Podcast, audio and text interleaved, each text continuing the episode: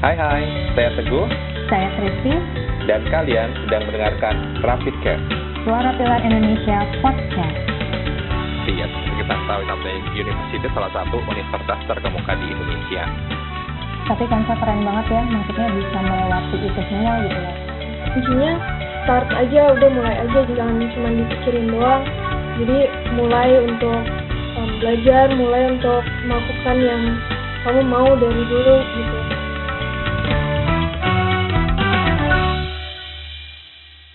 Oke, senang sekali kembali lagi kita di Rapid Cast, Suara Pilar Indonesia Podcast, dan inilah episode ketiga kita. Dan hari ini, saya ya harus nggak sama Desi. Desi sekarang ada di belakang layar. Saya hari ini sama Kristi. Halo Kristi. Hai teman-teman, hai Teguh. Apa kabar Ya. semuanya? Sehat, baik, semuanya baik. Semoga kita doakan ya, semoga semuanya sehat, pendengar Rapid Cast sehat, dan kita semua dalam keadaan yang baik. Kristi ya, tahun Amin. 2021. Gimana? Kamu punya resolusi apa nih tahun 2021? Resolusinya I want to be more patient. Ingin lebih sabar sih, karena kan Oke. kondisi kita selalu berubah-ubah ya. Jadi ingin lebih bersabar dengan kondisi yang berubah-ubah seperti ini sih. Kalau kamu Luar sendiri biasa. gimana? Resolusinya Aku apa? resolusinya apa ya? Resolusinya ditingkatin nih jadi 4K kayaknya. Bercanda itu bercandaan itu. Jadi resolusinya ditambah. Enggak, maksudnya resolusinya di tahun 2021 adalah lebih produktif dalam beberapa hal. Oke, jadi pada hari ini kita kan ngomongin tentang suatu hal yang menarik, scholarship. Ya nggak? Beasiswa. Betul sekali. Dan kita nggak cuma berdua aja ya untuk membicarakan tentang scholarship Iya. ini nih. Kita juga punya Loh, narasumber. Bukannya bukannya kamu yang dapat scholarship. Bu, bukan Wah, ya? Bukan. Sorry, sorry, sorry, hmm, bukan. bukan aku yang dapat. Aku mau banget sih, tapi sayangnya bukan aku gitu ya. Nah makanya itu kita undang Oke. narasumber yang kita mendapatkan scholarship ini gitu. Betul. Nah kita mau kenalan dulu Ya. sama narasumber kita. hari Langsung aja ini. ya. Narasumber kita hari ini adalah salah satu siswa di Sekolah Pilar Indonesia, yaitu Kansa. Hai Kansa. halo bu halo pak Hai Kansa, apa Eh, Halo kabar? Kansa, apa kabar? Alhamdulillah baik bu Amin. Gimana lagi sibuk apa sekarang? sekarang kan udah semester 2 nih jadi harus lebih sering latihan sama belajar untuk UTBK bu Oke, wah berarti sibuk sekali ya. Terima kasih dulu ya Kansa karena sudah mau meluangkan waktu nih ya untuk kita di podcast hari ini untuk berbagi-bagi tentang scholarship. Nah, seperti yang Kristi bilang tadi ya kan saya, kita mau ngomongin soal scholarship dan Kansa dapat scholarship. Dapat beasiswa apa sih, Sa? Boleh cerita? Eh, saya dapat beasiswa 100% di Sampurna University di jurusan Teknik Industri. Wih, keren Oke, banget. Keren banget ya. 100% itu berapa itu 100% itu, Mbak? Oh, semuanya ya, berarti free ya itunya ya. Kalau 100% gitu ya. Seperti kita ketahui sampai University salah satu universitas terkemuka di Indonesia. Dan Kansa dapat scholarship yang 100%. Nama scholarshipnya apa Kansa?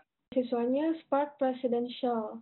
Eh, itu bagaimana sih Sa, prosesnya sehingga kamu bisa dapat beasiswa itu? Boleh dijelaskan mungkin ada eh, tahapan-tahapan tertentu yang harus kamu lalui atau bagaimana? Kita melewati beberapa tahapan sebelum mendapatkan beasiswa 100%-nya. Pertama, Sampurna University itu ngadain kelas yang diadain setiap minggunya eh, untuk empat kali pertemuan. Nah, setelah itu Sampurna University juga eh, memberikan beberapa tugas untuk kita latihan sebelum di final assessment-nya. Nah, udah di final assessment-nya, ada dua nih final assessment-nya yang ngetes tentang kemampuan bahasa Inggris kita di bidang spelling, eh, listening, sama writing. Setelah lolos di babak yang pertama, masih ada tes yang keduanya. Nah, di tes yang keduanya, alhamdulillah saya lolos juga. Jadi, em, untuk final tugas akhirnya itu kita suruh nulis tentang esai. Dan eh, jadi kita harus mempromosikan diri kita, kenapa kita layak untuk mendapatkan beasiswanya. Nah, setelah itu em, saya juga diinterview dengan Sampurna University. Pada hari itu juga, alhamdulillah saya dinyatakan em, mendapatkan beasiswa 100%-nya. Oke, Wih, selamat ya. banget. Keren banget itu. Keren banget ya. Nah, aku mau tahu dong, Sa, kira-kira nih, apa sih yang Kansa tulis saat menulis esai itu? Karena kan kalau menulis esai itu kan berarti kata Kansa tadi kita harus menulis tentang diri kita gitu ya dan kenapa kita harus diterima apa sih yang waktu itu kan saya tulis yang saya tulis itu um, mengapa saya uh, layak untuk mendapatkan beasiswanya bisa dimulai dari um, seperti kekuatan saya, my strength, weakness, dan apa passion saya gitu. Oke, okay. ngomongin soal passion, sebelum itu tadi saya tarik nih sama apa yang kamu sebutkan terakhir nih passion. Nah ini kan jurusannya engineering ya, kamu tadi bilang ya. Apakah kamu memang ingin jadi insinyur atau gimana nih? Apa sih passion kamu sebenarnya? Sebenarnya uh, passion aku itu di arts and crafts. Jadi uh, emang dari dulu itu suka desain dan buat karya-karya pernak-pernik seperti itu. Tapi nanti masih nyambung ya di engineering pun juga kamu tetap bisa mengembangkan passion itu ya saya pastinya iya, bisa Pak. ya. Baik, berarti Sekolah Pilar Indonesia itu sudah bekerja sama dengan Sampurna University ya berarti untuk yang scholarship ini ya? Atau memang Sampurna sudah salah memilih salah satunya Sekolah Pilar Indonesia untuk bisa berkesempatan mengikuti tahapan scholarship ini ya, kalau yang Kansa tahu ya. Iya, Pak. Kansa dan teman-teman sebenarnya beruntung nih bersekolah di SMA Pilar Indonesia karena kalian diberikan kesempatan untuk mendapatkan tawaran beasiswa dari beberapa universitas yang pastinya universitas terkemuka di Indonesia juga. Nah, tadi ada tahapan-tahapan ya, berarti ada online apa ya, ada online classes dulu ya, baru abis itu ada tes tesnya apa aja sih, Sa? Tadi ada tes pertama, ada tes kedua. Kalau yang tes pertama itu bentuknya kayak gimana, Sa? Um, sebenarnya tes yang babak pertama sama babak kedua itu sama. Jadi secara online kita ngerjain kayak um, ada pilihan ganda dan ada yang kita harus tulis essay. Ya basic English aja kayak uh, grammar, terus kita dengerin ada hearing, listening, sama spellingnya. Oke. Okay. Deg-degan nggak sih, Kak, waktu itu, nak? Iya, lumayan tegang sih, Bu. Soalnya kita pas tesnya itu um, diawasin dari sampurnanya kita uh, bareng video call dan kita harus uh, dinyalain mic-nya dan videonya dan nggak boleh ada uh, siapa pun di ruangan ini jadi kayak benar-benar um, strict gitu bu. Oke itu uh, gimana sih cara kamu mengatasi rasa tegang itu mungkin kalau aku uh, gimana ya udah bisa keringetan atau gimana gitu? Kalau Kansa gimana Kansa? Tips-tipsnya. Saya juga mungkin coba tenangin aja nggak usah mikirin ke hal-hal yang lain. Fokus aja sama berdoa terus. Wow keren. Fokus dan berdoa. Yeah. itu harus kita tingkatkan sepertinya di tahun berdoa. ini ya. Contoh dari Kansa ya. Untuk tesnya sendiri saya itu pakai bahasa Inggris kah atau bisa menggunakan bahasa Indonesia juga atau gimana? Karena kalau aku yang baca-baca nih aku baca-baca kalau uh, Sampurna University itu memang saat kita masuk ke universitas tersebut kemampuan bahasa Inggris kita sudah harus cukup bagus nih sebetulnya gitu. Bahkan mereka uh, menawarkan untuk ada scholarship juga kalau kalau aku tidak salah ya menawarkan scholarship juga untuk bahasa Inggris. Apabila misalnya mahasiswa atau calon mahasiswanya uh, masih membutuhkan latihan gitu. Nah, kalau untuk tesnya sendiri yang kayak Kansa bilang tadi itu dalam bahasa Inggris full atau bisa bilingual? Uh, untuk tesnya itu semuanya bahasa Inggris, Bu. I see, bahasa Inggris semua berarti ya, bahkan sampai interviewnya juga ya, berarti dari tahap awal sampai terakhir itu full in English. Iya, Bu. Sa, bagaimana sih perasaan kamu? Kamu seneng nggak sih dapat beasiswa itu? Ini pertanyaan yang konyol sih sebenarnya. Kamu seneng nggak dapat beasiswanya? Uh, ya pastinya seneng dong Pak. Lagian kan um, siapa sih yang nggak mau mendapatkan beasiswa apalagi 100% gitu. Oke, okay, betul sekali. Saya juga senang kok dengar kamu juga dapat beasiswa itu. Benar loh, luar biasa. Kita Bapak Ibu Guru di Sekolah Pilar Indonesia semuanya senang banget mendengar kabar waktu itu. Ih, luar biasa banget Kansa dapat beasiswa yang 100% dari uh, Sampurna University lagi. Nah, ada nggak sih mungkin di sini pendengar yang ingin juga mendapatkan beasiswa yang sama mungkin nanti tahun depan atau di kemudian hari untuk mencari beasiswa. Nah, kamu ada nggak sih kayak tips atau langkah-langkah apa yang perlu dipersiapkan nih? Sama yang paling menarik adalah tahapan untuk kamu menjelaskan tentang atau mempromosikan diri kamu, kenapa sih kamu layak untuk mendapatkan beasiswa tersebut? Bisa nggak kasih kayak tips, masukan, atau apalah ide ke kita atau nanti juga ke pendengar bagaimana caranya untuk melewati tahap-tahap tersebut? Um, jadi kan tahapannya tadi ada mungkin tiga ya. Yang pertama ada tes, kemudian final assessment itu um, essay, dan yang terakhir itu wawancaranya, interviewnya.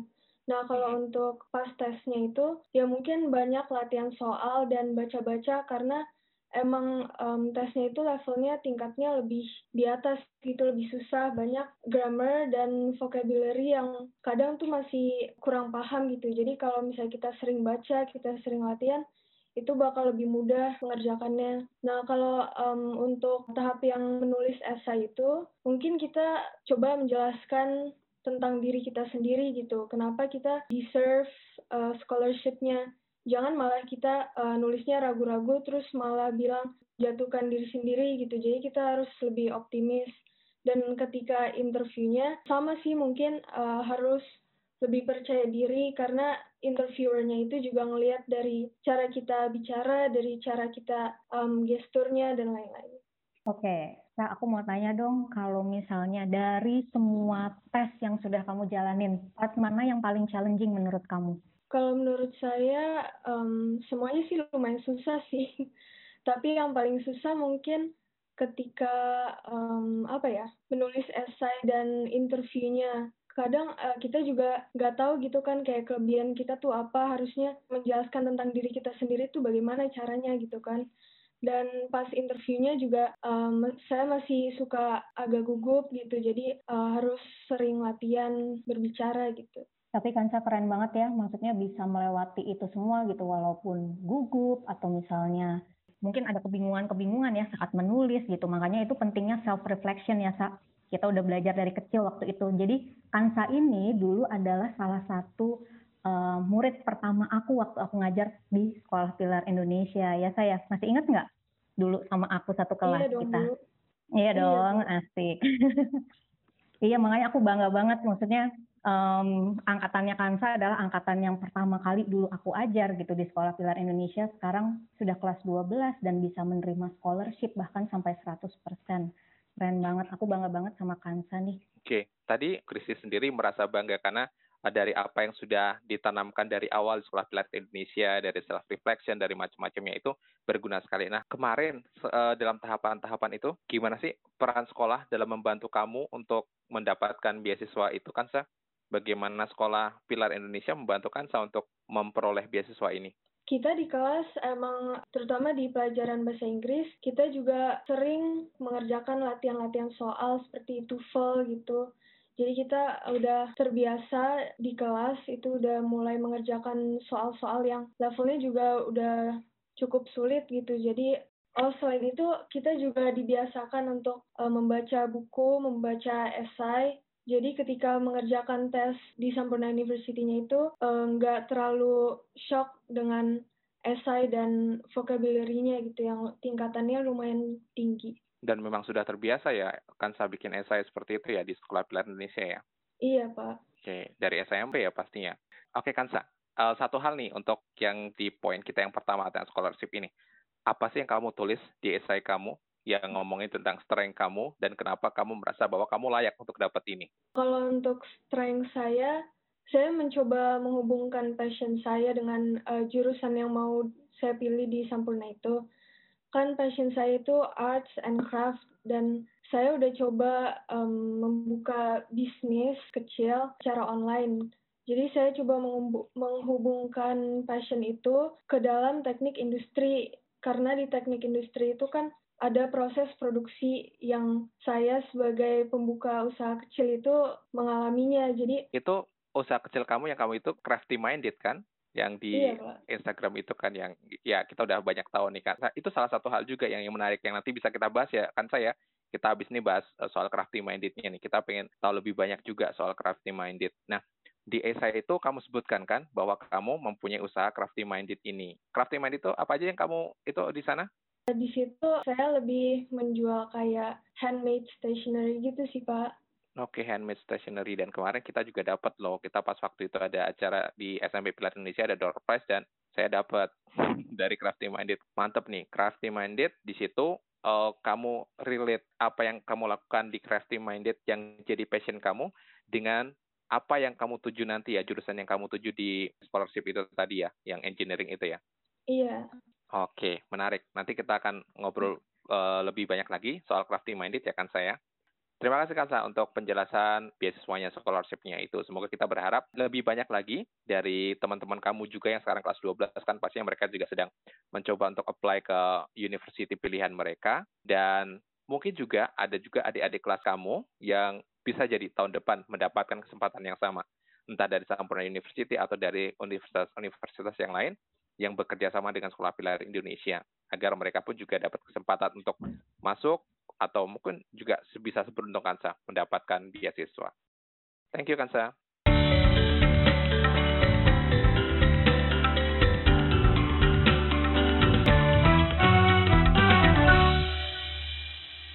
Nah, yang seperti kita tahu nih, ternyata Kansa bukan hanya berprestasi di bidang akademik, tapi dia juga sangat berbakat dan sangat kreatif. Itu juga terlihat ya, tadi Kansa udah ngobrolin sama kita tentang usaha yang sudah Kansa jalani uh, mungkin beberapa tahun ini. Nanti kita mau tahu lagi lebih jauh uh, bagaimana Kansa bisa menjadi yang entrepreneur, pengusaha muda. Oke, okay, nah mungkin Kansa yeah. kita bisa cerita-cerita dulu nih apa sih filosofi di balik nama crafty minded gitu. Mungkin teman-teman mau tahu bahwa kan kalau kita buat usaha itu kan kita nggak bisa asal memberi nama gitu ya, pasti ada pemikiran alasan, ada iya, pemikiran ya, alasan di balik nama tersebut gitu. Kenapa Kansa pilih nama Crafty Minded? Jadi Crafty Minded itu apa ya? Branding yang saya buat uh, terutama di uh, stationery, handmade stationery. Jadi semuanya itu um, berawal dari akun Instagram art saya. Sebenarnya namanya bukan crafty minded dulu cuman udah beberapa kali ganti. Setelah bertahun-tahun akhirnya saya memutuskan untuk membuka usaha kecil dari passion saya yaitu gambar dan desain. Kenapa saya pilih nama crafty minded? Soalnya crafty itu crafty apa ya? Crafty kayak kerajinan. suka iya kerajinan gitu. Kerajin. dulu saya sering kamu orangnya kerajinan um, sih bukan ya, bukan gitu ya maksud konsepnya ya. Beda lagi pak. Oh beda lagi. Kerajinan kayak um, kerajinan tangan gitu. Jadi dulu saya sering buat apa aja kayak misalnya mainan atau uh, miniatur dan pokoknya apa aja dari uh, bahan-bahan yang saya temuin di rumah gitu. Uh, dan minded itu kayak kayak open minded kayak jadi saya tuh mikirnya tuh seringnya crafty aja kayak sukanya yang art art saya dulu sebenarnya nggak kepikiran untuk ngejual jual karya yang saya bikin tapi orang-orang di sekitar saya kayak keluarga saya itu nyaranin coba jual aja pasti banyak uh, ada aja yang mau beli gitu kan ya udah saya uh, coba jualan kecil-kecilan dulu cuman ke teman dekat saya dan keluarga saya dan saya senang mereka bisa um, mendukung dan membeli barang-barang yang saya buat. Oke, okay uh, tentang itu ya. Jadi memang dukungan dari keluarga juga ya tadi crafty minded. Mikirnya art mulu ya, mikirnya art mulu. Tapi akhirnya itu bisa menjadi sesuatu yang bisa bernilai ekonomis ya saya crafty minded. Kalau kita lihat dari apa yang kamu tawarkan di sana. Oke, okay, teman-teman pendengar Rapid Cash yang mau mencari stationery handmade yang pastinya unik, menarik, bagus, dan pastinya limited edition ada di Crafty Minded, di IG-nya, di at Crafty Minded. Dan di situ uh, ada banyak hal ya kan saya ada apa sih kamu bikin agenda apa Benar. aja bisa dijelasin apa aja di sana yang kamu tawarkan di situ kebanyakan sih um, lebih seperti buku-buku planner schedule agenda gitu-gitu pak buat um, karena kan saya juga murid dan saya pengen kayak um, biar lebih mudah gitu untuk mengatur jadwal gitu. lebih organize gitu ya Iya. Dan itu sangat membantu sekali untuk kita bisa itu ya organize. Ada organizer, ada planner di sana dan menarik. Bentuknya bagus-bagus, lucu-lucu. Oke, Sa. Nih kamu udah mau kuliah nih, tapi sekarang masih kelas 12. Sibuk nih dengan persiapan untuk uh, eh, UTBK, untuk ini itu kemarin juga untuk persiapan uh, mendapatkan scholarship yang tadi. Uh, bagaimana Kansa bisa mengatur waktu, mengatur uh, kegiatan kamu sehingga kamu bisa menjalankan itu juga? Sebenarnya saya juga kadang masih um, kesulitan membagi waktu karena kan pasti ada aja kayak uh, distraction misalnya kita uh, tadi yang mau belajar tapi gara-gara ada yang crafty minded itu lumayan sih schedule-nya itu kayak padat banget. Kita harus bisa mengatur prioritas. Kayak misalnya kita mau belajar ya udah kita langsung belajar aja dulu nggak usah malah ke aktivitas yang lain. Harus terus set priority ya gitu ya. Ituin prioritas ya, ya skala prioritas. target. Oh, Oke, okay. thank you. Itu luar biasa. Menarik nih apa yang Kansa sudah lakukan di Crafty Minded. Kalau dari sekolah sendiri, gimana sih dari Sekolah Pilar Indonesia? Kamu dapat pembelajaran nggak tentang entrepreneur ini, jiwa wirausaha ini? Uh, jadi dulu pas kelas 10 atau kelas 11 itu saya ada program entrepreneurship social entrepreneur di sekolah. Jadi kita dalam grup, kita dibagi grup itu berjualan uh, kayak snacks, makanan di kantin untuk murid-murid uh, sama guru juga. Kita kayak um, bergrup itu ada yang bertiga, ada yang berempat. Kita pokoknya ngatur semuanya sendiri dari mulai uh, planning mau jual apa, terus um, beli bahan-bahannya dan masaknya juga. Oke, berarti uh, dari awal di sekolah sudah diajarin ya saya bagaimana cara berbisnis juga gitu. Jadi Kansa tidak hanya sekedar membuat bisnis, tapi memang sudah pernah belajar sebelumnya di sekolah gitu dengan teman-teman dan bapak ibu guru. Nah untuk prosesnya sendiri pembuatan um, apa namanya produknya Kansa sendiri itu kamu buat sendiri atau bagaimana cara inspirasi mencari inspirasinya karena kan um, produknya Kansa ini memang keren banget gitu. Aku udah sering lihat desainnya playful semua gitu. Nah itu prosesnya bagaimana sih Sa? Apakah cepat ataukah lama? Dari mana kamu dapat inspirasinya? Hmm, prosesnya itu lumayan lama, lama banget. karena dari uh, desainnya sama produksinya jadi barang jadi itu kan saya masih kerjanya uh, sendiri dan kadang juga dibantuin um, ibu saya dari desainnya itu desainnya juga saya bisa kadang berhari-hari kalau mau buat cover dan isi dari notebooknya biasanya sih saya dapat uh, inspirasinya dari uh, Pinterest, Instagram. Saya juga sering lihat-lihat ada produk dari uh, bisnis lain gitu. Jadi saya coba mengambil um, ya idenya dan saya coba ubah-ubah sendiri ya itu sih. Kayak tadi dibilang ya harus open minded ya kita harus lihat kalau kita buat usaha kita harus lihat dan cari inspirasi dari mana pun gitu ya saya. Iya bu. Iya kan, wah keren banget. Kalau selain crafty minded nih, kira-kira Kansa punya hobi yang lain nggak? Um, uh, gambar gitu ya bu. Mm, atau mungkin Kansa, aku tahu nih Kansa kayak suka musik atau apa gitu. Iya, saya suka um, main ukulele dan kadang piano juga, main alat musik.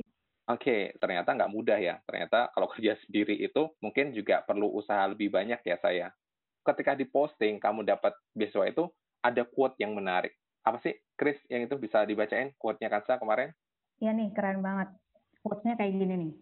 You can spend minutes hours or days over analyzing situations like what would have happened differently or just learn from your mistakes, start pursuing your goals, and be the best version of yourself. Keren banget ya?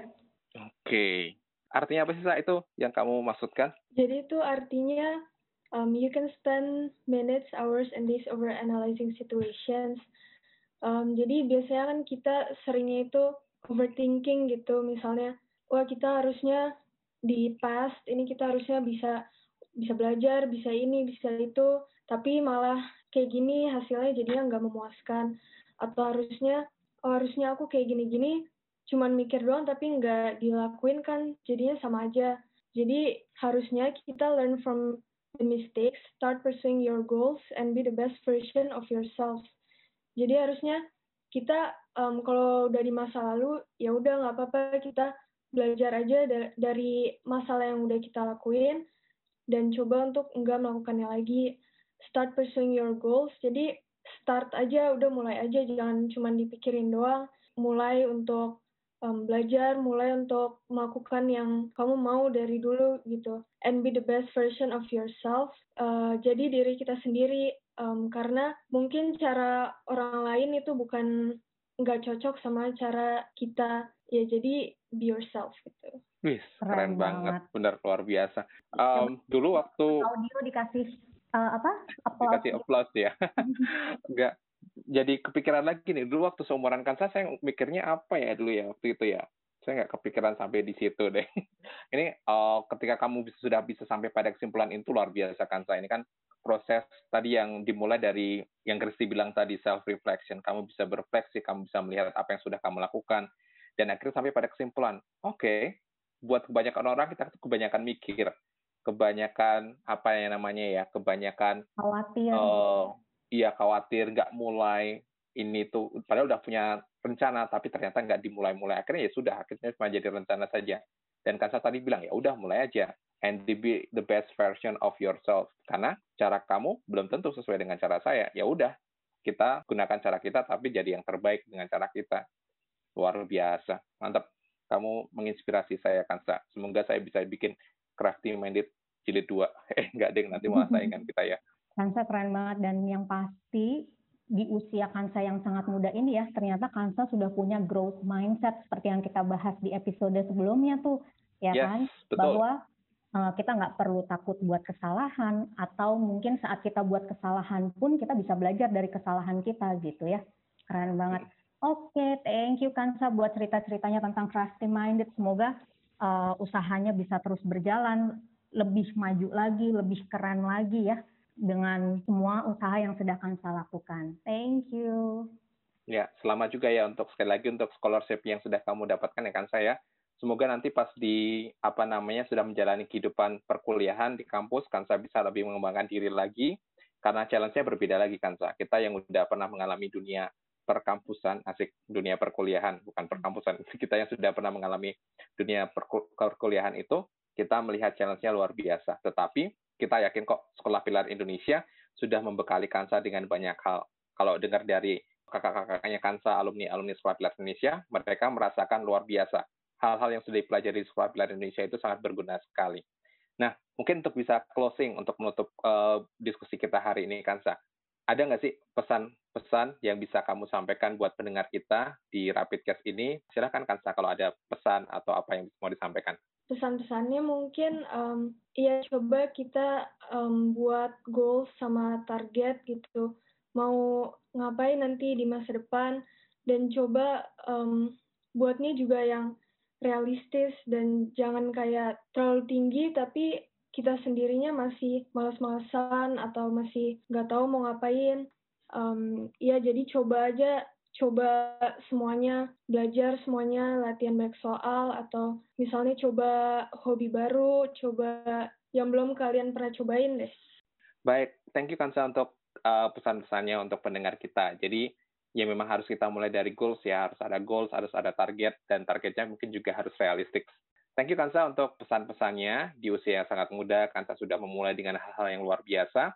Dan semoga ini menjadi inspirasi buat pendengar kita yang saat ini mungkin masih di usia sekolah seperti Kansa atau uh, sudah mulai untuk uh, mengembangkan bisnis atau apa pun itu, kita mulai saja, kita tidak perlu takut untuk gagal, kita belajar dari kegagalan tersebut, dan semoga apa yang sudah Kansa sampaikan, yang sudah Kansa sharingkan pada hari ini, bisa memberikan manfaat buat kita semua pendengar Rapidcast, dan apa yang Kansa sampaikan, apa yang sudah Kansa bagikan kepada kita bisa menjadi inspirasi, bisa menjadi hal yang baik untuk bisa kita terapkan juga dalam kehidupan kita.